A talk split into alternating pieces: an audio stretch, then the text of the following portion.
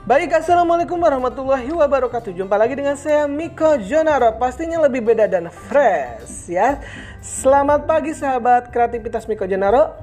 Ya, hari ini edisi Sabtu 25 Juli 2020 Kali ini Miko akan memberikan tips Membantu anak untuk mencintai buku ya. Seperti yang dikutip di laman situs internet republika.co.id Senang sekali ya kita liburannya. Hari ini membaca buku. Ya, seperti yang dikutip dari republika.co.id, Duta Baca Indonesia Najwa Sihab mengatakan orang tua dapat membantu anak untuk gemar membaca. Dengan membaca perhatian anak dapat teralihkan dari media dari bermain gawai. Meskipun anak-anak sekarang lebih suka membaca melalui layar gawai, bukan berarti kita tidak bisa mengalihkan kesukaannya itu. Ujar Najwa dalam webinar Nikmatnya Membaca Buku di Jakarta Jumat kemarin. Ya, masih menurut Najwa, orang tua harus membantu anak untuk mencintai buku fisik. Untuk memulainya, ayah dan ibu dapat mengajak anandanya mencari mencari buku sesuai tema, hobi, atau artis yang sedang digemarinya. Najwa mengatakan, dengan buku fisik melatih daya imajinasi anak akan terlatih, anak pun bisa masuk dalam alur cerita yang tulis dalam buku tersebut. Wah, benar banget ya. Kalau kita baca dongeng seolah-olah kita masuk ke dalam uh, alur cerita dongeng tersebut ya. Ya, berikutnya membaca buku idealnya jangan sekedar hobi tetapi kebutuhan tuturnya ya, seperti kita makan ya. Sementara itu, Deputi Pengembangan Sumber Daya Perpustakaan Perpusnas Woro Titi Haryanti mengatakan bahwa membaca seharusnya bukan sekedar hobi tapi menjadi kebutuhan men dalam menjalani kehidupan. Tumpukan buku menurutnya seperti ajakan menjelajahi misteri kehidupan dan semesta yang hanya dapat dicapai ribuan kali masa kehidupan.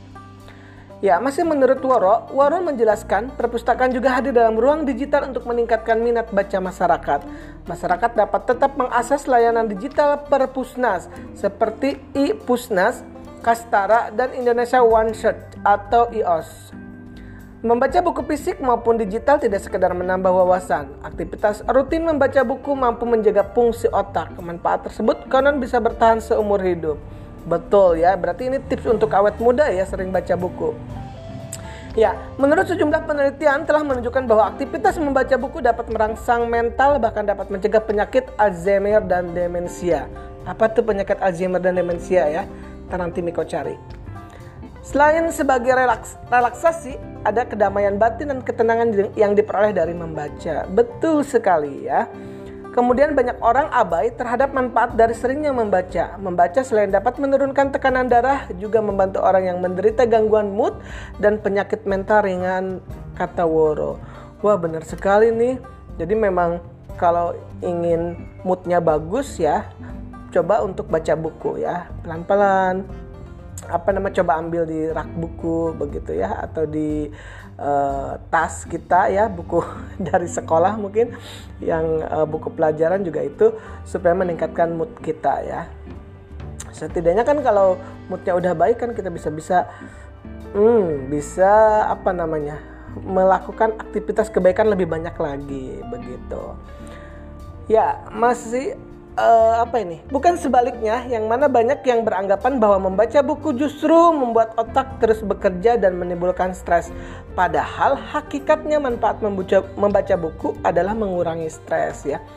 Jadi benar sekali kalau kita mau uh, mengurangi stres kita ya, ya dengan uh, banyak-banyak membaca buku.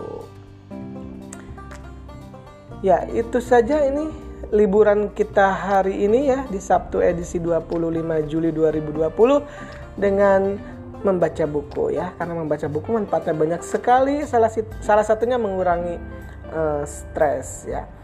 Demikian sahabat kreativitas Miko Jonaro ya. Jangan lupa untuk membaca buku di hari ini ya setiap hari tentunya. Ya. Dan selamat pagi. Dadah. Wassalamualaikum warahmatullahi wabarakatuh.